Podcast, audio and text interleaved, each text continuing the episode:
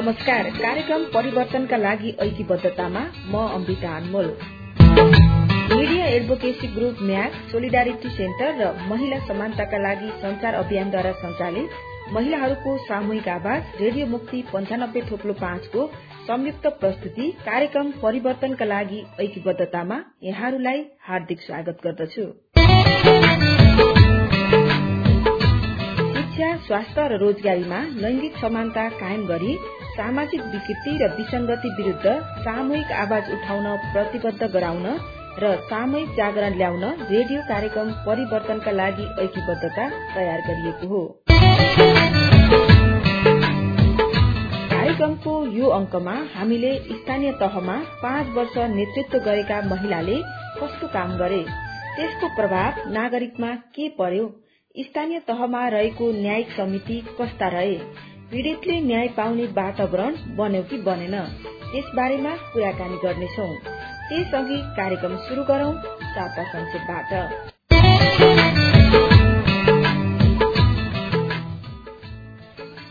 बहुविवाह कसुरमा रूपन्देहीमा प्रहरीले एकजनालाई पक्राउ गरेको छ। जेठी श्रीमती सुनिता विश्वकर्माले दिएको उजुरीको आधारमा देवदह तीन बस्ने भक्त बहादुर विश्वकर्मालाई प्रहरीले पक्राउ गरेको हो। विश्वकर्माले घरमा श्रीमती हुँदाहुँदै ओखलढुङ्गाबाट कान्छी श्रीमतीको रूपमा मंगली माया विश्वकर्मालाई विवाह गरेको हुनाले पक्राउ गरेको इलाका प्रहरी कार्यालय देवदहले जनाएको छ। प्रहरीले मंगली मायालाई पनि पक्राउ गरेको छ। उनीहरू जेठी श्रीमती सुनिता भएकै ठाउँमा एकसाथ बस्दै आएका थिए।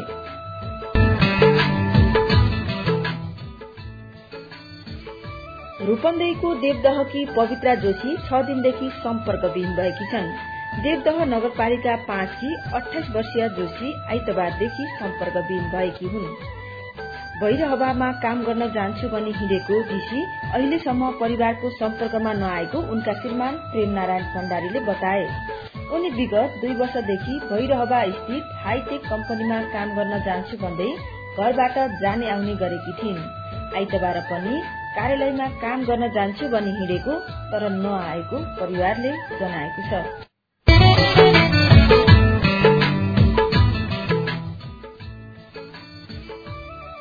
अब पालो भएको छ कुराकानीको।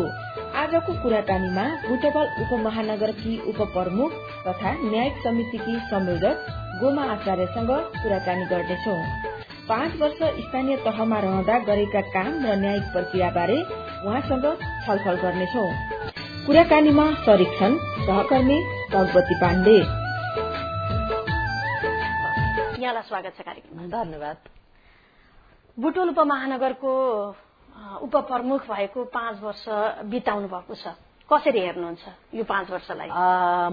स्थानीय तहको निर्वाचन भइसके पश्चात जुन जिम्मेवारी पाइयो जिम्मेवारी लिएर काम गर्दै गर्दाखेरि यो पाँच वर्षको अनुभव अत्यन्त महत्वपूर्ण कार्यकालको रूपमा मैले लिएको छु। जसमा संविधान नयाँ संविधान मात्रै बनेको थियो। संविधान बनिसके पश्चात तिनी तहका सरकारले आफ्ना ऐन कानूनहरू कार्यविधि नियमावली बनाएर जानुपर्ने अवस्था थियो। यद्यपि स्थानीय तहमा हामी निर्वाचित भएर आए सँगसँगै र प्रदेशको निर्वाचन हामीभन्दा पछि स्थानीय तहको निर्वाचन भन्दा पछि भयो। हामीले र प्रदेशको भन्दा पहिला हामीले काम गर्न पर्ने परिस्थिति सिर्जना भयो। त्यो हुँदै गर्दाखेरि अत्यन्त चुनौतीपूर्ण रूपमा चाहिँ हामी यो पाँच वर्ष गुजार्यौं अथवा काम गर्यौं भन्ने लाग्छ मलाई। एउटा त उपमहानगरपालिकाको सिङ्गो टिमले गरेको कामको समीक्षा हुँदै गर्दा गर्ला होइन? अर्कोतर्फ चाहिँ यहाँ उपमेयरको रूपमा मतदाता समूह मत माग्दै जाँदै गर्दाखेरि मतदाताहरूले दिएको अभिभारा उहाँहरूले सुम्पिएको जिम्मेवारी व्यक्तिगत रूपमा एउटा उपप्रमुखको हिसाबले मैले कति पूरा गर्न सकेँ कति पूरा गर्न सकिनँ भन्ने के लाग्छ यहाँलाई? जति बेला हामी चुनावी मैदानमा थियौं त्यहाँ नागरिकले गरेका प्रश्नहरू हामीले लिएर गएका घोषणा पत्र प्रतिबद्धताहरू र अहिले पाँच वर्षसम्म काम गर्दै गर्दाखेरिको हकमा कुरा गर्दाखेरि मलाई लाग्छ त्यति बेला नागरिकले उठाएका आवाजहरू र अहिले हामीले काम गर्दै गर्दाखेरि मैले धेरै कामहरू पूरा गर्न सकेँ भन्ने लाग्छ होइन? जस्तो अब लैङ्गिक हिंसाका कुराहरू उठिराखेका थिए महिला हिंसाका कुराहरू उठेका थिए घरेलु हिंसाका कुराहरू उठाएका थिए हामी चुनावी मोर्चामा जाँदा पनि लैङ्गिक हिंसा मुक्त सहर बनाउनका निम्ति हामी त्यो अभ्यास गर्नेछौ भनेर पनि भनेका थियौं। सड़क पुल पुलेसा पूर्वाधारका कुराहरू उठेका थिए। त्यति मात्रै होइन महिलाहरूका निम्ति हामी बेरोजगार छौं। महिलाका निम्ति तपाईँले के गर्न सक्नुहुन्छ भन्ने कुराहरू पनि उठेका थिए। र त्यो सँगसँगै जो घर दैलोमा जाँदाखेरि कतिपय सुत्केरी महिलाहरू आर्थिक अवस्था कमजोर भएर एउटा स्वास्थ्यको प्रक्रियामा जानका निम्ति समेत कहाँ जाने होला कसरी गर्ने भन्दा बाटो नभेटिराखेको अवस्था पनि हामी भेटाएका थियौं। यद्यपि हामी निर्वाचित भएर आइसके पश्चात बेरोजगारको शून्य सहनशीलतामा ल्याउनका निम्ति युवा इलम कार्यक्रम र महिला उद्यमशीलता कार्यक्रमलाई अगाडि सार्दै गर्दा शुरूमा साथीहरू अलिकति हिसिचाएको अवस्था उहाँहरूलाई अलिकति त्यो टेक्निकल नलेज नभएको कारणले पनि हो भन्ने हामीले महसुस गर्यौं। र त्यति मात्रै रहन्छ जो उद्यमशीलता कार्यक्रममा युवा इलम कार्यक्रममा आउँदै गर्दाखेरि कतिपय साथीहरू तीन महिना तालिम लिनुपर्ने भएको कारणले तीन महिनासम्म ऊ तालिममा जाँदाखेरि उसको घरमा चुलो नबल्ने सम्मको स्थिति पनि हामी भेटायौं उहाँहरूलाई हामी सहजीकरण गर्दै गरिसकेपछि अहिले धेरै युवा भाइ बहिनीहरू रोजगारीमा जोडिनु भएको छ स्वरोजगार बन्नुभएको छ। थुप्रै महिलाहरू छ सय भन्दा बढी महिलाहरू अहिले उद्यमी महिला बन्नुभएको छ। त्यो एउटा उपलब्धि छ भने जो सुत्केरी हुँदाखेरि कहाँ जाने ठूला अस्पतालहरूमा उहाँहरूको आर्थिक व्यवहारले नथाम्ने अवस्थामा उहाँहरू घरमै छटपटाएको अवस्थाहरू पनि हामी भेटाएका थियौं। गर्भावस्थामा ध्यान नदिएको कारणले गर्दाखेरि आमा र बच्चाको स्वास्थ्य कमजोर भएको अवस्था पनि भेटाएका थियौं। त्यो भइसकेपछि हामीले गर्भवती तथा सुकेरी भेट कार्यक्रमलाई अगाडि सारिसके पश्चात अहिले मलाई लाग्छ बुटोलमा गर्भवती अथवा सुत्केरी महिलाहरू स्वास्थ्य उपचार नपाएको कारणले स्वास्थ्य सेवा नपाएको कारणले मृत्युवरण गर्न पर्यो भन्ने सूचना चाहिँ पछिल्लो समयमा आएको छैन। यद्यपि अब कार्यक्रमको हिसाबले सानो होला तर त्यसले ठूलो महत्व पनि राखेको छ। र अहिले बिस्तारै हामी व्यवस्था परिवर्तन गर्यौं।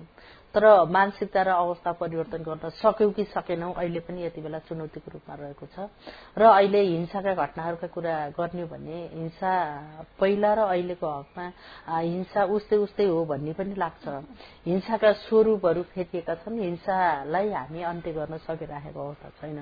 त्यो भइसकेपछि बुटुल उपमहानगरपालिकाले सम्पूर्ण सरकारवालाहरूसँग अब सरकारी कार्यालय अनि त्यसपछि अब निजी संघ संस्थाहरू लगायतका उद्योगी व्यवसायी राजनीतिक दलहरू विद्यालय लगायतका सबै सरकारवालाहरूसँग हामी समन्वय गर्दै गरिसके पश्चात अब लैङ्गिक हिंसा मुक्त शहरका निम्ति रणनीतिक कार्ययोजना बनाएर हामी कार्यान्वयन प्रक्रियामा अगाडि बढ्न सकेका छौं। त्यसमा सबै सरकारवालाहरूले प्रतिबद्धता जाहेर गर्नुभएको छ कि बुटोललाई हिंसारहित समाज निर्माण गर्नका निम्ति हाम्रो पनि महत्वपूर्ण भूमिका रहनेछ हाम्रो पनि सहयोग रहनेछ भन्ने हिसाबले अगाडि बढेको अवस्था पनि हामी भेटाएका छौं।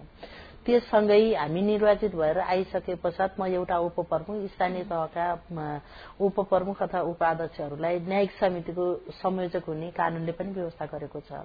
हामी निर्वाचित भएर आउँदा नआउँदै अब विवाद जति सबै न्यायिक समितिले हेर्ने हो भन्ने अवस्था पनि भयो। यद्यपि देवानी संहिता मुलुकी देवानी संहिता र मुलुकी फौजदारी संहिता अन्तर्गत जुन दुईटा कानून अन्तर्गत सबै विवादहरू न्यायिक समितिले हेर्छ भन्ने नागरिकको बुझाइ पनि रह्यो। हामीलाई पनि कुन हेर्ने कुन नहेर्ने भन्ने कुरा त्यति ऊ थिएन। अनि हामीले आफ्नो कार्यविधि बनायौं कार्यविधि बनाइसकेपछि हामी ऐन कानूनहरूलाई अध्ययन गर्दै गइसके पश्चात हामीले केही सहजीकरण गर्न सकेका पनि छौं। र त्यो अन्तर्गत हेर्दै जाँदाखेरि अहिले न्यायिक समिति अत्यन्त प्रभावकारी ढंगले अगाडि बढेको छ। र धेरै साथीहरू जसको घरबार एकदमै विक्षिप्त अवस्थामा भएकाहरूलाई पनि हामी पुनर्मिलन गराउने काम पनि गरेका छौँ। त्योभित्र लैङ्गिक हिंसाका घटनाहरू छन् घरेलु हिंसाका घटनाहरू छन् महिला हिंसाका घटनाहरू छन् ज्येष्ठ नागरिक तथा बालबालिका संरक्षणका कुराहरू रहेका छन्। अनि त्यससँग सबैभन्दा बढी विवाद अहिले जग्गा विवादका कुरा सिमाना विवादका कुराहरू आएका छन् घरेलु हिंसाका कुराहरू आएका छन्। त्यसलाई न्यूनीकरण गर्नका निम्ति हामीले हामीसँग अत्यन्त थोरै मात्रामा मेलमिलापकर्ताहरू हामी आउनुभन्दा अगाडि हुनुहुन्थ्यो। पछि संघीय सरकारले स्नातक पास गरेको एउटा स्पिड ल्यायो। यद्यपि पछि चाहिँ स्नातक पासै भन्ने कुराहरू रहेन।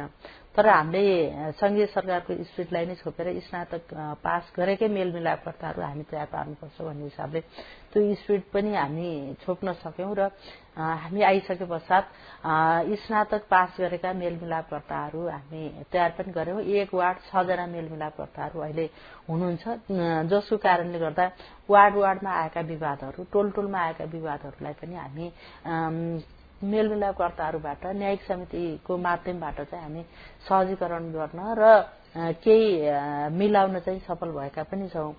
र अर्को चुनौतीको विषयको रूपमा राजस्व परामर्श समितिको संयोजक उपप्रमुख हुने कानूनले व्यवस्था गरेको छ। हामी आउँदाखेरि अब आन्तरिक स्रोत अत्यन्त न्यून रहेको थियो। त्यसमा अब बुटोलको समृद्धिका निम्ति हामी चुनावी अभियानमा पनि जनतासँग थुप्रै महत्वाकांक्षी योजनाहरू पनि बाचा गरेका थियौं। तर त्यो बाचा पूरा गर्नका निम्ति त हामीले आर्थिक संकलन राजस्व संकलन गर्नै पर्ने हुन्थ्यो। त्यो भइसकेपछि हामी निर्वाचित भएर आउँदाखेरि झण्डै चार हजार समथिङमा करदाताहरू हुनुहुन्थ्यो। अब हामी कर बढाएर जान सक्ने अवस्था पनि थिएनौं। अब नयाँ जनप्रतिनिधि आएका एकैचोटि कर बढाए भन्ने अवस्था सिर्जना हुन्थ्यो।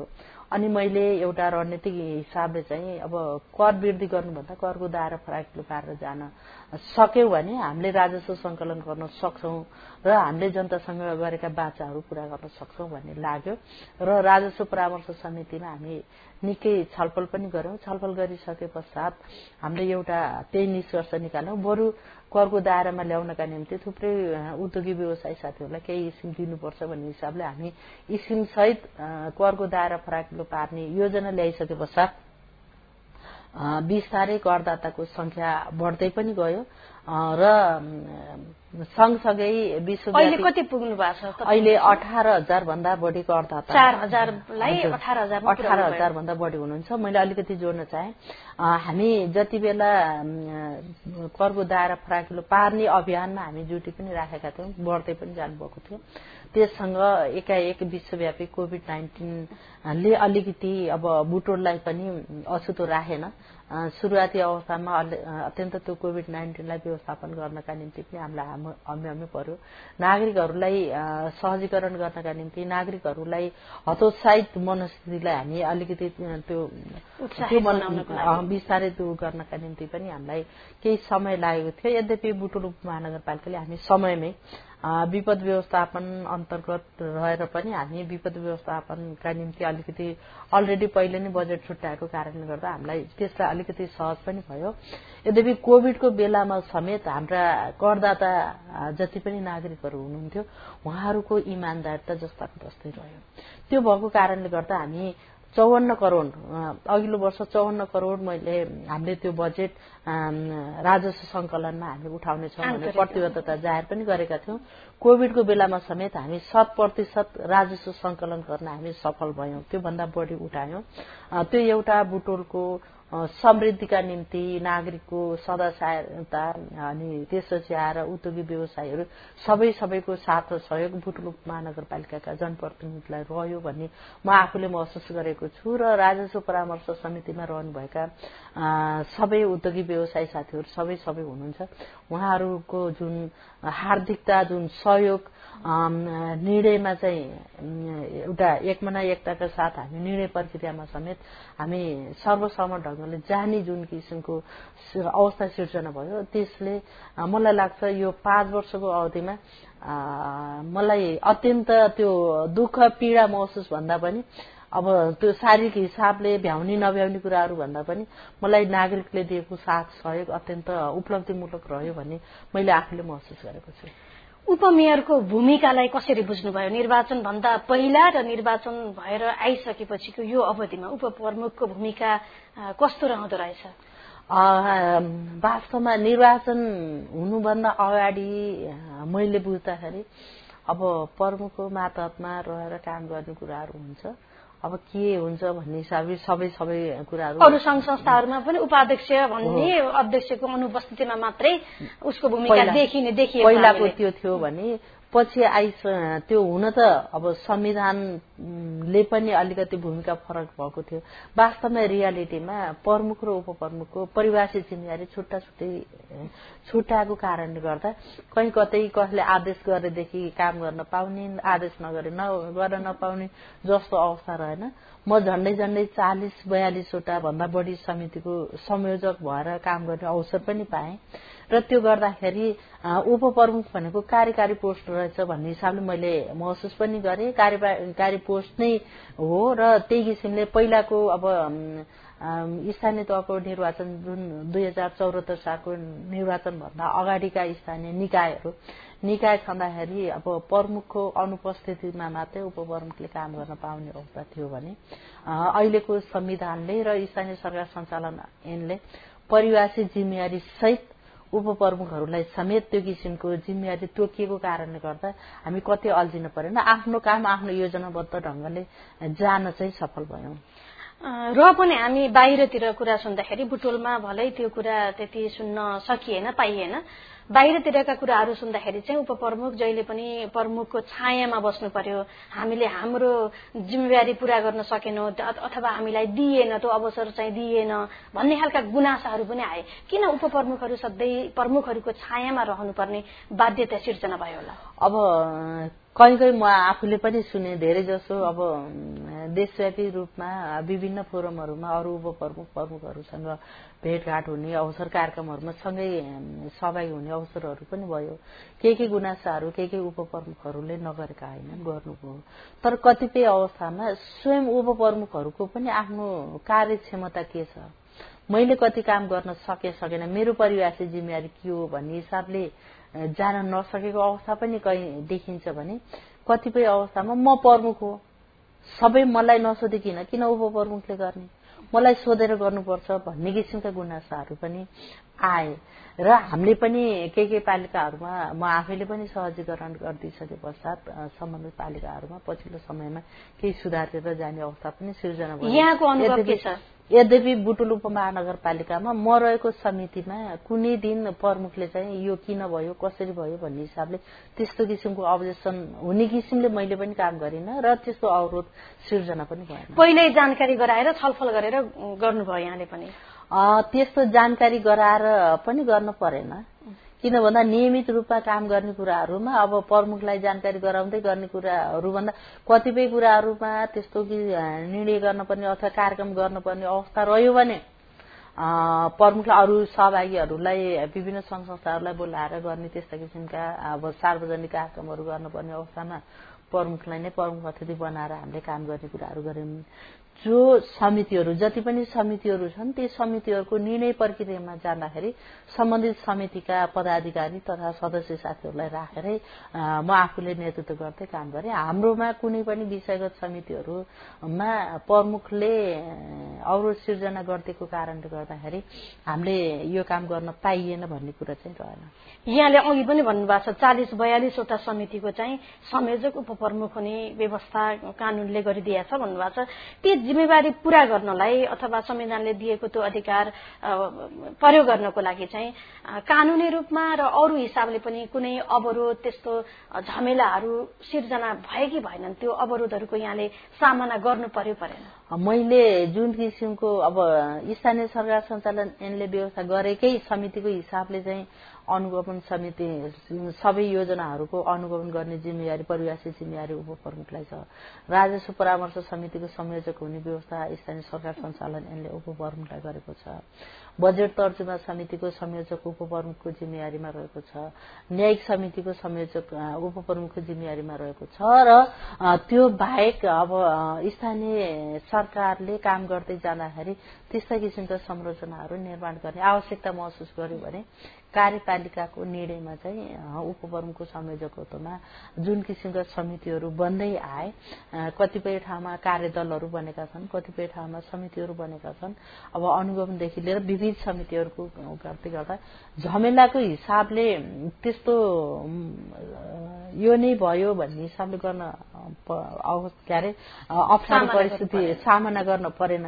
तर कुनै कुनै अवस्थामा चाहिँ जुन स्पिडमा काम गर्नुपर्ने अवस्था हुन्थ्यो त्यो स्पिडमा कहिलेकाहीँ आफूलाई अलिक छिटो भइदिए हुन्थ्यो भन्ने पनि लाग्छ। यद्यपि हामीसँग रहेको कुनै त्यस्तो त्यस्तो उदाहरण कुनै केही छ? जस्तो अनुगमनकै कुराहरू गर्दा अन्य कुराहरू गर्दा हामीसँग भएको सुरुवाती अवस्थामा अहिले पछिल्लो समयमा त त्यो भएन। हामीसँग जुन जनशक्ति कम भयो स्थानीय सरकार बनिसके पश्चात र प्रदेशको निर्वाचन पछि भइसके पश्चात अनि संघीय सरकारले जनशक्ति चाहिँ स्थानीय सरकारमा पठाउन पर्ने प्राविधिक जनशक्ति हामीसँग समयमै पठाइदिएन। प्राविधिक जनशक्ति समयमै नआएको कारणले गर्दाखेरि कतिपय अवस्थामा जुन इस्युमा अहिलेका अहिले हिँडिहालौँ जस्ता लाग्छन् जस्तो गुणस्तर परीक्षणको लागि त्यस्तो खालको जनशक्ति चाहिँ समयमा आएनन्। आएन। नआइसके पश्चात जस्तो अब न्यायिक समितिकै कुरा गर्ने भने पनि हामीसँग पहिला कानून अधिकृत हुनुहुन्थेन। हामी पछिल्लो समयमा बुटलुक महानगरपालिकाले माग गरिसके पश्चात यद्यपि कानून अधिकृत आउनुभयो। तर अहिले पनि कतिपय पालिकाहरूमा कानून अधिकृतै भनेर पठाइएको अवस्था छैन। प्राविधिक साथीहरूलाई हामी पहिला पठाउँदाखेरि प्राविधिक साथीहरू हामीसँग पठाइएन। कतिपय करारमा राखेर पनि हामीले काम गर्नुपर्ने परिस्थिति सृजना हो त्यो हिसाबले आउने अप्ठ्यारो भनौँ न त्यो एक खाले भयो। जनशक्ति नभएको कारणले जुन किसिमको स्कुलमा जान पर्ने थियो त्यो अलिकति ढिला भयो कि भनियो। नभए काम गर्ने अवस्थामै गर्दाखेरि यो अवरोध सिर्जना भयो भन्ने हिसाबले आएन। अब त्यसमा हुन सक्छ अब उपप्रमुखले गलत प्रक्रियाबाट काम गर्दैन भन्ने हिसाबले पनि होला। त्यो विश्वास जितेको कारणले पनि होला। मलाई त्यो किसिमको अवरोध चाहिँ सिर्जना भएन। यहाँले भन्नुभयो न्यायिक समिति उपप्रमुखहरू भन्दाखेरि उपप्रमुख एउटा प्रतिबिम्ब न्यायिक समितिको संयोजक भनेर पनि बुझ्ने गरिन्छ होइन? न्यायिक समितिको जिम्मेवारी चाहिँ उपप्रमुखलाई छ। यहाँको पालिकामा चाहिँ कति त्यस्ता मुद्दाहरू आए? हाम्रो पालिकामा अहिले ठ्याक्कै रेकर्डको हिसाबले छ सय भन्दा बढी मुद्दाहरू बुटुलु महानगरपालिकामा आए। आइसके पश्चात हामीले अब त्यो अब स्थानीय सरकार सञ्चालनको सत्तालिसको अन्तर्गतको न्यायिक समितिले निरूपण गर्न पाउने व्यवस्था रहेको छ भने ख अन्तर्गतको मेलमिलाप मात्रै गर्न पाउने अवस्था छ। त्यो अन्तर्गत हामीले अत्यन्त सहजीकरणको हिसाबले मेलमिलापकर्ताहरूलाई नै अधिकतम रूपमा हामी परिचालन गरिसके पश्चात धेरै मुद्दाहरू हामी फर्चुट गर्न सफल पनि भएका छौँ। हामीले फर्चुट गर्न बाँकी रहेको चाहिँ झन्डै झन्डै अब चौबिस पच्चिसवटा छ। त्योभन्दा त्योभन्दा बढी हामी फर्चुट गरेका छौँ। र त्यो गर्दै गर्दाखेरि हामीसँग आएका दुईटा मुद्दा। दुईटा मुद्दा हामीले निर्णय गरेका न्यायिक समितिले फर्चुट गरेको मुद्दा चाहिँ जिल्ला अदालतमा हामीले कानूनी व्यवस्थामै के छ त भन्दा मेलमिलाप भएको मेलमिलाप भयो। मेलमिलाप हुन नसकेको न्यायिक समितिले अन्तिममा चाहिँ फैसला गर्न मिल्ने मुद्दाहरू हामी त्यसरी जाने पनि गरेका थियौँ। त्यो गर्दै गर्दाखेरि दुईटा मुद्दा चाहिँ हामी जिल्ला अदालतमा पुगे। हामीले निर्णयमा पनि अब चित्त नबुझे हामीभन्दा माथिल्लो निकाय भनेको जिल्ला अदालत उच्च अदालत पुनरावेदन गर्न पाउने अधिकार कानूनले व्यवस्था गरेको छ। र हामीले निर्णयमा पनि चित्त नबुझे हाम्रो निर्णय चित्त नबुझे अब सम्बन्धित निकायमा जानु अथवा जिल्ला अदालत जानु भनेर पनि हामी लेखिदिनु पनि गरेका थियौँ। त्यसमा जग्गा विवाद सम्बन्धी र अब घरेलु हिंसा सम्बन्धी विवादहरू नै थिए। उहाँहरू चाहिँ जिल्ला अदालत पनि जग्गा विवाद भन्दा पनि घरबाल र अनि घरेलु हिंसा सम्बन्धी। तर उहाँहरू जानुभयो गइसकेपछि जिल्ला अदालतले समेत अब स्थानीय सरकारले बुटुलुक महानगरपालिकाले गरेको निर्णय ठिक छ भनेर पठाइदियो त्यही अनुसारै भयो। त्यो भएको हुँदा अहिलेसम्मको हिसाबमा बुटुलुप महानगरपालिकाले आग्रह पूर्वाग्रहको कारणले न्यायिक समितिले यस्तो किसिमको निर्णय गरिदियो भन्ने कुरा चाहिँ गुनासो आएको छैन। त्यो एउटा सकारात्मक पक्ष हो भन्ने छ र हामी निर्वाचित हुँदा एउटा प्रक्रियाबाट जुनसुकै प्रक्रियाबाट आए तापनि आइसकेपछि हामी सबै साझा व्यक्ति हौ नागरिकको व्यक्ति हो भन्ने हिसाबले हामी त्यो किसिमले महसुस पनि गरौं। यद्यपि न्यायिक समितिमा मुद्दा आउँदै गर्दाखेरि विभिन्न व्यक्ति संघ संस्थाहरूले हामीलाई प्रेसर नदिएका पनि होइनन्। विभिन्न प्रेसरहरू दबावहरू पनि आउने गरे। तर त्यो गर्दै गर्दा पनि हामी कसैको प्रेसर दबावमा हामी विचलित भएनौं र हामी हाम्रो निर्णयमा कानूनी कुराहरूमा अडान रहेर निर्णय गरेकै कारणले गर्दा बुटोल उपमहानगरपालिकाले राम्रै निर्णय गर्यो। अहिले बाहिर सुन्नमा आउँदाखेरि अब मैले भनेको होइन यद्यपि नियमित रूपमा जिल्ला अदालतको न्यायाधीशहरूले हाम्रो इजलासका जुन निर्णय प्रक्रियाहरू छन् नियमन गर्ने अनुमोदन गर्ने कामहरू पनि गर्नुहुन्छ।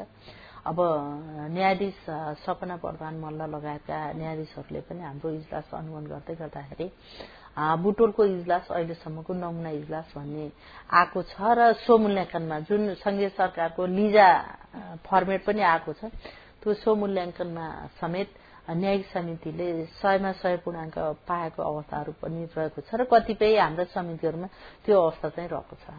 कस्ता खालका बढी मुद्दा आए? मुद्दा आउँदाखेरि सबैभन्दा बढी घरेलु हिंसाका मुद्दाहरू आएका छन्। अहिले समाजको विकृति पनि त्यही किसिमले बढेको हो कि जस्तो देखिन्छ। पर पुरुष पर स्त्रीसँग अर्थात पर स्त्री पर पुरुषसँग लागेको कारणले गर्दा घर परिवार विक्षिप्त भएको अवस्थाहरू छ होइन? छोराछोरीहरूले संरक्षण नपाउने श्रीमतीले संरक्षण नपाउने अवस्थाहरू पनि आएका छन्। धेरै मुद्दाहरू त्यस्तो प्रकृतिको आएको छ भने त्यससँग जोडिएर आउने मुद्दाहरूको हकमा लैङ्गिक हिंसाका घटनाहरू आएका छन्। महिला हिंसाका घटनाहरू आएका छन्। बाल बालिका संरक्षणका कुराहरू अनि त्यसपछि आएर महिला महिला तथा बाल बालिका संरचनात्मक हिसाबका मुद्दाहरू आएका छन्। ज्येष्ठ नागरिक संरक्षणका कुराहरू आएका छन्। अब छोराछोरी हुर्किँदै जानुभयो त्यसपछि आएर अनि बा आमालाई हेला गरिदिने अवस्थाको हिसाबले पनि मलाई लाउन खान दिएन भन्ने कुराहरू आएको छ। सिमाना विवाद जग्गा विवाद सबैभन्दा बढी अहिले पछिल्लो समयमा आउने भनेको जसरी घरेलु हिंसाका मुद्दाहरू आएका छन् त्यही रूपमा चाहिँ सिमाना विवाद जग्गा विवादका मुद्दाहरू आउने गरेका छन्। अनि त्यससँग ज्याला मजदुरीका विवादहरू आएका छन्। घरबाल सम्बन्धी विवादहरू हामीसँग आएका छन्। अनि पडोसीको छिमेकीले आफ्नो छतको पानी नालीको पानी चाहिँ फालिदिएर छिमेकीलाई असर परेका विवादहरू आएका छन्। समग्रताको हिसाबले हेर्दाखेरि त्यसमा लेनदेनका लेनदेनका विवादहरू पनि आएका छन्। अब यसमा अब संख्याको हिसाबले कुन प्रकृतिको कति भन्ने कुराहरू पनि हामी रेकर्डमा राखेका छौं। तर समग्रताको हिसाबले समाजमा देखिने विकृतिहरू अत्यन्त त्यो नराम्रो किसिमले देखिएको छ। महत्वपूर्ण जिम्मेवारी अन्तर्गत चाहिँ बजेट बनाउँदै गर्दाखेरि यहाँले चार पाँचवटा बजेट चाहिँ बनाउनु भयो त्यसमा चाहिँ कतिको दबाव कतिको प्रभाव अथवा के के समस्याहरू यहाँ चाहिँ झेल्नु पर्यो सबै नगरपालिका उपमहानगरपालिकाको सबै काम कारवाही त्यही बजेटबाट नै परिचालित हुने भएको कारणले। बजेट बनाउँदै गर्दा दबाव प्रेसर त स्वाभाविक आउँछ। अब हिजो हामी अब जनप्रतिनिधि पनि हो। उन्नाइसवटा वार्ड छन्। उन्नाइसवटा वार्डमा बजेट विनियोजित गर्दै गर्दाखेरि मेरो वार्डमा यति भयो अथवा अर्को वार्डमा यति भयो भन्ने हिसाबको एउटा प्रेसर आउँछ। अर्को अब भोट दिएको हाम्रो ठाउँमा चाहिँ किन नाली बनेन? भोट दिएको हाम्रो किन बाटो बनेन? भन्ने प्रेसर पनि आउँछ। त्यो मात्रै होइन जनप्रतिनिधि बीचमै पनि सकेसम्म सबैलाई स्वाभाविक रूपमा के पनि लाग्छ भने मेरो वार्डमा चाहिँ अलिकति बजेट लैजान पाएदेखि मेरो वार्डको काम बढी गर्थे भन्ने हिसाबले पनि आउँछ। तर यद्यपि जुन किसिमको प्रेसर दबाव जसरी आए तापनि अब बुटोलकै समृद्धिका निम्ति हो भन्ने हिसाबले मैले सहज हिसाबले पनि बुझेँ र सबै साथीहरूलाई सन्तुलित ढंगले चित्त बुझाएरै बजेट विनियोजित गर्दै आइयो। कुनै बजेटमा चाहिँ विवाद चाहिँ रहेन। हामी सर्वसम्मत ढंगले कार्य आएका टोल विकास समितिहरू हुँदै वडा समितिले सिफारिस गरेका योजनामै रहेर हामी कार्यपालिकामा हामी छलफल गर्ने गरेका थियौं। त्यससँग नगरसभामा समेत सबै नगरसभा सदस्यहरूले नै त्यो जुन बजेट प्रक्रियामा नगरसभामा चाहिँ छलफल गर्ने बाटो नै हामी निर्माण पनि गर्यौं र उहाँहरूका आवाजलाई पनि सम्बोधन गरिसके पश्चात अब चित्त बुझ्दै हिसाबले चाहिँ हामी बजेट विनियोजित गर्न सफल भयौं भन्ने लाग्छ मलाई। यहाँ चाहिँ लामो समयदेखि मजदुर आन्दोलनमा आबद्ध हुनुभयो। मजदुर आन्दोलनबाटै कुनै पार्टीमा आबद्ध भइरहँदा त्यो मजदुर संगठनको केन्द्रीय उपाध्यक्षसम्म पनि यहाँ बन्नुभयो। मजदुर आन्दोलनमा लागेर आफ्ना मागहरू तेर्साउँदै गर्दा राज्यलाई तेर्साउँदै गर्दा र अहिले चाहिँ ती मागहरू चाहिँ पूरा गर्नुपर्ने स्थानमा आइपुग्दासम्मको यो भिन्नता के रहेछ? वास्तवमा यो हिजो सड़कबाट जुन किसिमका आवाज उठाउँदै थियो त्यति बेला उठाउँदाखेरि अब जुन वर्गको प्रतिनिधित्व गरिएको थियो त्यही वर्गको बढी आवाज उठ्थ्यो त्यो स्वाभाविक पनि हो।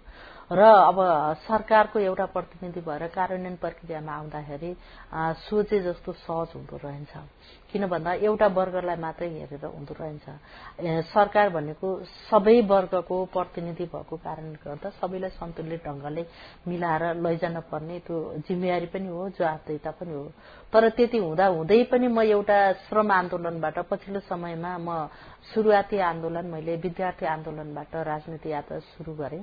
र अब महिला पार्टीभित्रै युवा आन्दोलनमा पनि म प्रवेश गर्दै गर्दा पछिल्लो समयमा म आबद्ध रहेको पार्टीले चाहिँ ट्रेड युनियन आन्दोलनलाई उठाउनका निम्ति मलाई परिभाषित जिम्मेवारी त्यता दियो। र मैले लामै समय मैले ट्रेड युनियन आन्दोलनमा बसेर काम गर्दै गर्दाखेरि त्यहाँ रहेका श्रमिकहरूका अत्यन्त भनौँ न दर्दनाक अवस्थाका समस्याहरूमा म आफूले काम गर्ने अवसर पनि पाएँ जो खोलामा गिटी गुट्ने श्रमिकदेखि लिएर एउटा सड़क बनाउने श्रमिकदेखि लिएर हरेक क्षेत्रका सफाई मजदुरहरू र कमैयाहरू जुन अहिले हुन त मुक्त कमैया मुक्त भएको अवस्था रहेको छ कृषि क्षेत्रको हिसाबले हेर्ने भनेदेखि एउटा दास पट्टाकै रूपमा चाहिँ त्यो कमैयाहरूले काम गर्ने अवस्थाहरू पनि थियो। त्यो आन्दोलनसँग जोडेर आउँदै गर्दाखेरि त्यही वर्गको हितका निम्ति चाहिँ कस्ता किसिमका योजनाहरू ल्याउन सकिन्छ भन्ने हिसाबले अब सबैको प्रतिनिधि भए तापनि श्रमिक पक्षका निम्ति पनि अलिकति ध्यान दिएका छौँ हामीले।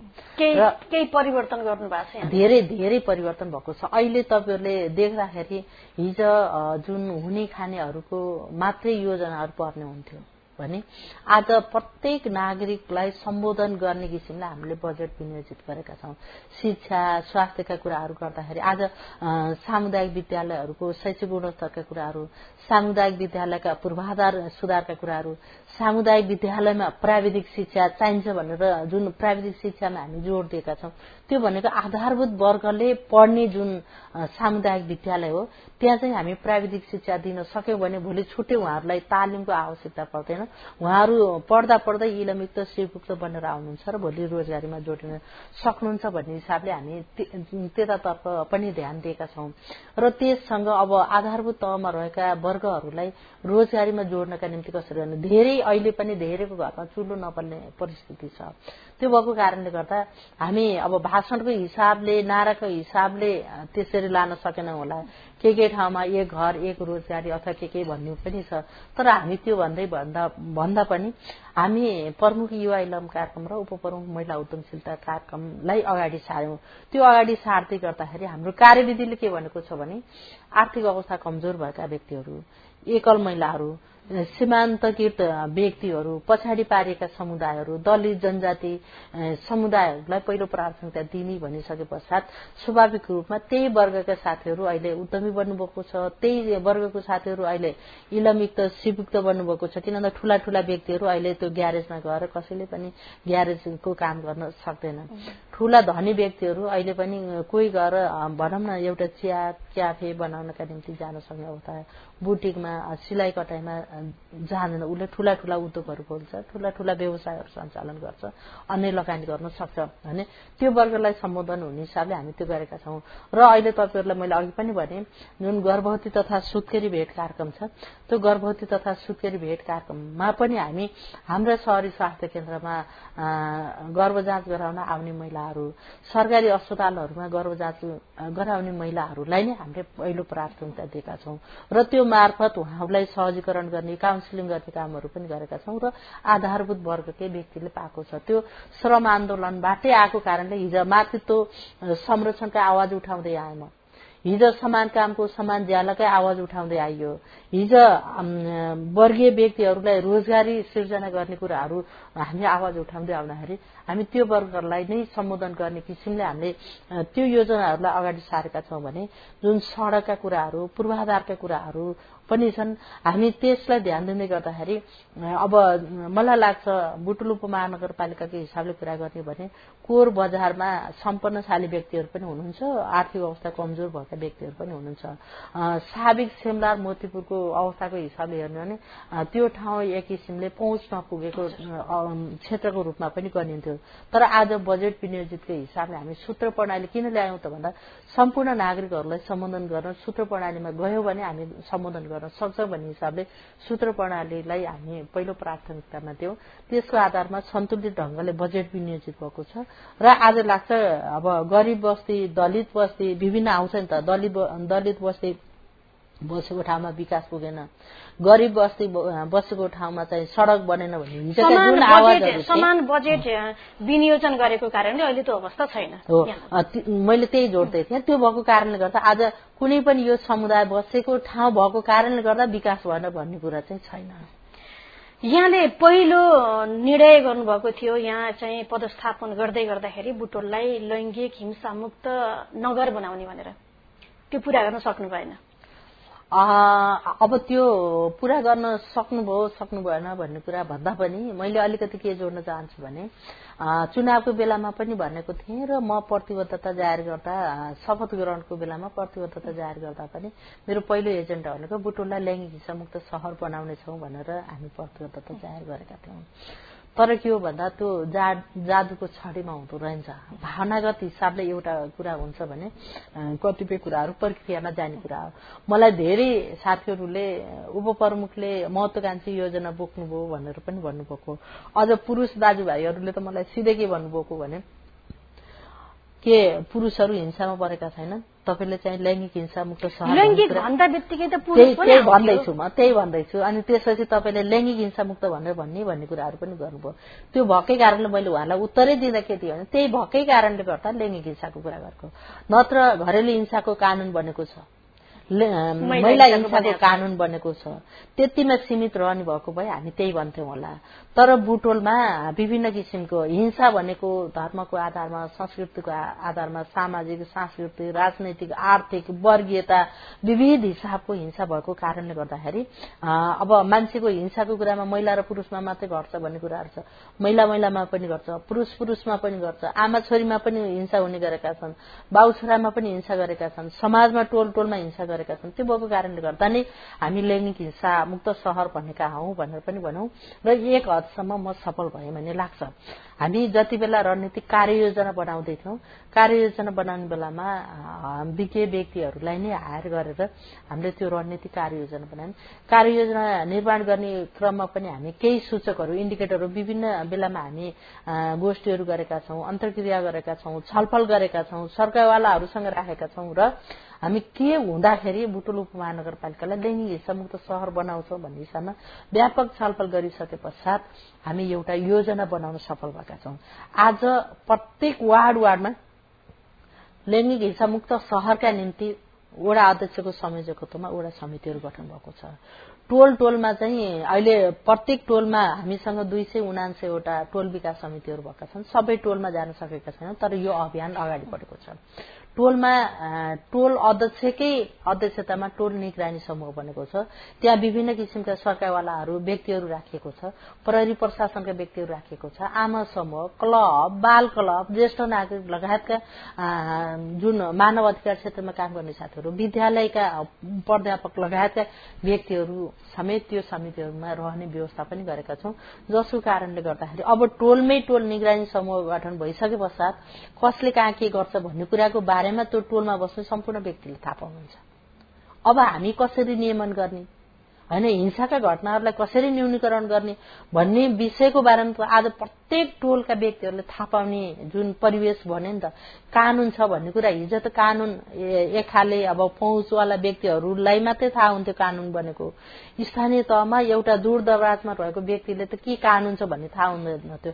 आज प्रत्येक टोलमा टोल निगरानी समूह गठन हुनु भनेको एक हद म सफल भएको पनि मान्छु। किन भन्दा त्यो योजनालाई सबैले अपनत्व मानेर त्यसपछि आएर सबैले प्रतिबद्धता पनि जाहेर गर्नुभएको छ। त्यो योजना कार्यान्वयन भएको अवस्थामा चाहिँ लैङ्गिक हिंसा मुक्त नगर चाहिँ बन्छ। हो त्यसमा त्यसमा केही केही सूचकहरू हामी के भनेका थियौँ भने लैङ्गिक हिंसा मुक्त सहर बन्नका निम्ति न्यायिक समितिको काम प्रभावकारी हुन्छ। सबै नागरिकले न्याय पाउनेछन् भन्ने कुराहरू रहेको थियो।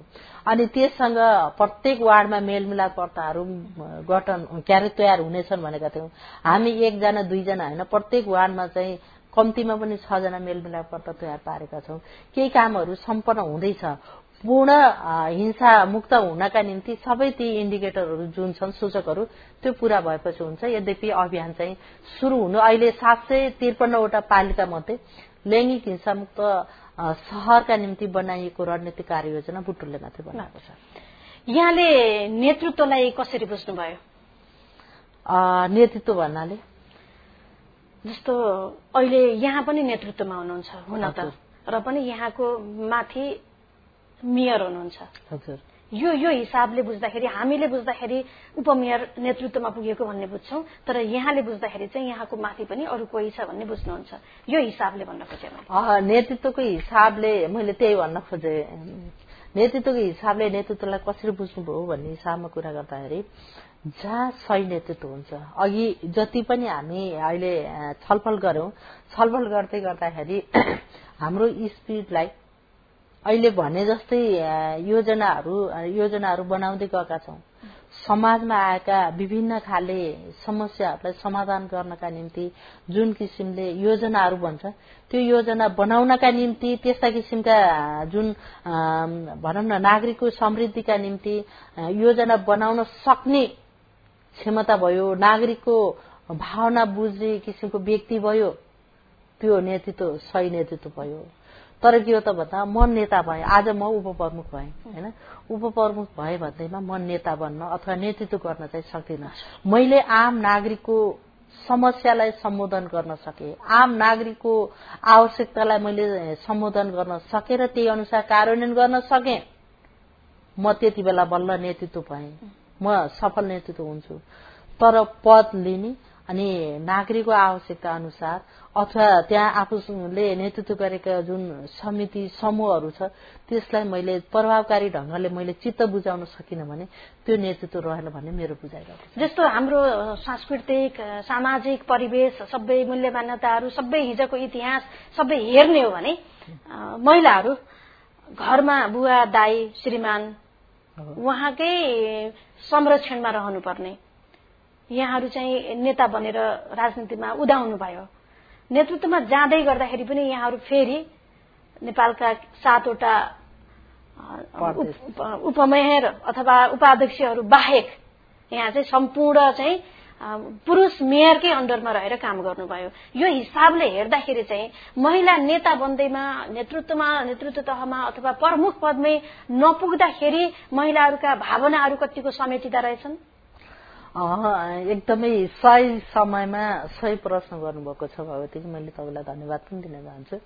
वास्तवमा मैले सुरुमा पनि भने हामी नेपालको राष्ट्रिय राजनीतिको कुरा गर्दा नेपालको समृद्धिको कुरा गर्दा नेपालमा भएका पटक पटकका व्यवस्था परिवर्तन गर्दै गर्दा हामी लामो समयदेखि नेपालको नेपालको राष्ट्रिय राजनीतिकै हिसाबले गर्दा व्यवस्था परिवर्तन गर्नका निम्ति थुप्रै आन्दोलनहरू भए चरणबद्ध हिसाबले जानिया राडा शासनको अन्त्य भयो पञ्चायती व्यवस्थाको अन्त्य भयो प्रजातन्त्रको अन्त्यसँगै लोकतान्त्रिक गणतन्त्रको स्थापना गर्यौं तर हामी मानसिकता चाहिँ परिवर्तन गर्यौं कि गरेनौं व्यवस्था परिवर्तन भयो अवस्था मानसिकता र अवस्था परिवर्तन गर्न सक्यौं कि सकेनौं भन्ने विषयमा चुनौती रहेको छ।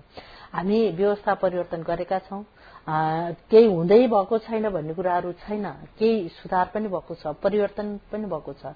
तर त्यति हुँदा हुँदै पनि अहिले महिलाहरूलाई अझै पनि हाम्रो समाजले यो एक्काइसौं शताब्दीसम्म आउँदै गर्दा कार्यकारी पोस्टका पोस्टमा चाहिँ कानूनले व्यवस्था गरेर जिम्मेवारी दिँदै गर्दा काम गर्दै गर्दा पनि महिलाहरूलाई अझै पनि महिला नेताको रूपमा नेतृत्वको रूपमा स्वीकारेको होइन कि भन्ने कतै न कतै त्यो आभास चाहिँ हुन्छ। म आफूले पनि यो पाँच वर्षको अवधिमा काम गर्दै गर्दाखेरि मैले त्यो किसिमले महसुस गरेँ। कतिपय कुराहरूमा नागरिकहरूले ल्याएका आवाजहरू नागरिकले ल्याएका मुद्दाहरू ठ्याक्कै मैले यो गर्छु भनेर बोल्न सक्ने कि नसक्ने प्रमुखले के भन्ने हो मैले भनेर भने प्रमुखले मानिदिनु भने क्यार्ने हो भन्ने हिसाबले प्रमुखको मुख ताक्न पर्ने परिस्थिति ममा पनि रह्यो। यो समग्र पुरुष नेतृत्वले समग्र भन्दा पुरुष नेतृत्वले महिला र बालबालिको बालबालिकाको विषयलाई कसरी लिँदो रहेछ यहाँको अनुभव? पुरुष नेतृत्वले महिला र बालबालिकाको कुरालाई अब बाहिर भन्दा र कार्यान्वयन गर्दामा फरक छ। जुन किसिमले महिला बालबालिकाका कुराहरू उठाउँदै गर्दा म पाँच वर्ष बसेरै काम गर्दा यद्यपि उपप्रमुखको हैसियतले नगरपालिकामा बसेर काम गर्दै गर्दा मात्रै होइन राजनैतिक हिसाबले राजनैतिक फोरमहरूमा पनि मैले काम गरेँ। तर महिलाका आवाज बालबालिका आवाजहरू फेरि पनि त्यही पक्ष त्यही क्षेत्रकै व्यक्तिले उठाउनु पर्ने हुन्छ। समितिहरूकै कुरा गर्ने भने कतिपय समितिहरूमा चाहिँ संघीय सरकारले ड्राफ्ट बनाएर पठाउँछ। मैले अलिकति माथिल्लो सरकारको अवस्था पनि के छ मैले जोड्न खोजेँ। संघीय सरकारले स्थानीय तहमा चाहिँ विभिन्न किसिमका समितिहरू निर्माण गर्नका निम्ति काम गर्नेका निम्ति त्यस्ता किसिमका समितिहरूको एउटा नमुना ड्राफ्ट गरेर पठाउँछ। तर त्यो ड्राफ्ट गरेर पठाउँदै गर्दाखेरि क्षेत्रगत हिसाबले पदेन पदेन भन्ने हिसाबले आउँछ। तर अहिले पनि जुनसुकै संरचनामा अपवादमा बाहेक अधिकांश संरचनाहरूमा जहाँ पुरूषहरू पनि हुन्छ। महिला मात्रै भएको संरचनामा त पुरूष जोडिन मिलेन। तर महिला पुरूष भएको जुन संरचना छ त्यो संरचनामा धेरै जसो क्षेत्रहरूमा पुरूषहरूकै बाहुल्यता छ। पदेन भनिएको छ। भनिसकेपछि त्यहाँ महिला जोडिने अवस्था त्यो समितिहरूमा स्थानीय तहको समितिमा पनि महिला जोडिने संरचना संघीय सरकार प्रदेश सरकारले समेत मिलाएर ल्याउँदैन। अनि त्यसपछि हामीले त्यहाँ अनिवार्य महिला त चाहियो नि। यो कानून यो कार्यविधि त हामीले गराउनु मिल्यो। संघीय सरकारले ड्राफ्ट गरेर पठाए पनि। भन्ने हिसाबमा अनिवार्य महिला यो राख्न पर्यो भनेर त्यो आवाज उठाउनु पर्ने महिला महिलाले उठाउनुपर्छ त्यहाँ महिलाको प्रतिनिधित्व भएन भनेर पुरुषले पुरुषको आँखाले चाहिँ देख्दैन अथवा पुरुषको दिमागले चाहिँ देख्दो भन्छ म नेतृत्वमा भएको भए मैले अझै यो काम गर्न सक्थेँ भन्ने केही लाग्छ यहाँलाई? लाग्छ। होइन म नेतृत्वमा भएको भए अहिले कतिपय अवस्थामा महिलाहरूसँग आउने जुन किसिमका मुद्दाहरू छन् त्यो भनेको अलिकति पहुँचमा नपुग्ने किसिमका व्यक्तिहरू पछाडि पारिएका व्यक्तिहरूकै मुद्दाहरू चाहिँ उपप्रमुखको टेबलमा आउने गर्छन्। अब त्यो त्यो क्षेत्रलाई सम्बोधन गर्नका निम्ति मैले प्रमुखको मुख ताकेर बस्नुपर्ने अवस्था यदि म आफै प्रमुख भएको भए रहन्थ्यो रहन्थेन होला जस्तो लाग्छ र कतिपय अब समृद्धिका निम्ति जोडिएका महिला सम्बन्धी एजेन्डाहरू महिला मात्रै होइन समग्रताको हिसाबले पछाडि पारिएका समुदायका एजेन्डाहरूलाई पनि अलिकति भावनागत हिसाबले एउटा महिला आमा बनेर आउँदै गर्दा पुरुषको पनि पीड़ा त्यो महिलाले भोगेकी हुन्छन् र स्वयं महिलाको पीड़ा त भोगि राखेको हुन्छ। त्यो जुन संवेदनशीलता हो त्यो चाहिँ बढी अब पुरुषले भन्दा महिलाले छिटो बुझ्छ भन्ने मेरो आफ्नो बुझाइ पनि रहेको छ महसुस पनि रहेको छ। त्यसको आधारमा रहेर काम गर्दाखेरि यदि म प्रमुख भएको भए गर्थेँ होला जस्तो लाग्छ। र अन्य समग्रताको विकासकै हिसाबले गति लिँदा पनि सन्तुलित ढंगले चाहिँ कहाँ पुग्यो कहाँ पुगेन भन्ने हिसाबमा अनुगमन समितिकै संयोजक भएको कारणले गर्दाखेरि प्रत्येक वार्ड जाँदै गर्दा प्रत्येक योजनाहरू निर्माण के अरे अनुगमन गर्दै गर्दाखेरि त्यो ठाउँमा यो पुगेको रहन्छ यो बाँकी छ। अथवा यो यसो गरेको भए हुँदो। भन्ने पनि लाग्छ होइन? त्यसमा धेरै योजनाहरू अब प्रमुख भए गर्न सक्छु गर्थे भन्ने चाहिँ लाग्छ। हामी कार्यक्रमको अन्त्यमा छौँ। अन्त्यमा छोटोमा दिनु होला। यहाँले आफ्नो यो पाँच वर्षको कार्यकालमा गरेका कामहरूलाई नम्बर दिनु पर्दाखेरि कति नम्बर दिन सक्नु चाहनुहुन्छ? मैले आफ्नो कार्यकालमा यद्यपि उपप्रमुखको हैसियतले काम गर्दै गर्दा झन्डै मैले आफूले नम्बर दिँदाखेरि एट्टी फाइभ पर्सेन्ट माथि चाहिँ मैले नम्बर दिएँ। डिस्टिङसन ल्याउनुहुन्छ। हजुर। हामीलाई समय दिनुभयो। यहाँलाई धन्यवाद। मलाई पनि यहाँ सम्झेर अब लुम्बिनी रेडियोले जुन टेलिभिजन राख्ने अवसर प्रदान गर्नुभयो तपाईँहरूलाई पनि धन्यवाद। यहाँलाई धन्यवाद।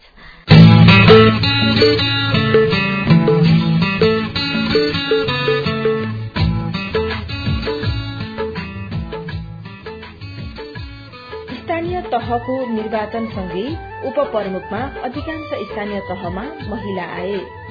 उपप्रमुख अर्थात उपाध्यक्षको ठाउँ भनेको समन्वयकारी भूमिका हो। न्याय सम्पादन गर्ने ठाउँ पनि हो। त्यो ठाउँमा महिला जाँदा महिलाहरूको न्यायमा पहुँच बढ़ेको देखियो। विकास निर्माणमा पनि पहुँच बढ़ेको देखियो। यसर्थ स्थानीय तहको प्रमुख र उपप्रमुख मध्ये एकजना महिला छनौट असाध्यै राम्रो अभ्यास भएको पाइयो। यही सन्देशसँगै आजका लागि कार्यक्रम ऐक्यबद्धता यही सकिएको छ। प्राविधिक मित्रहरूसँगै कार्यक्रम संचालक म अमृतालाई पनि विदा दिनुहोस्। नमस्कार।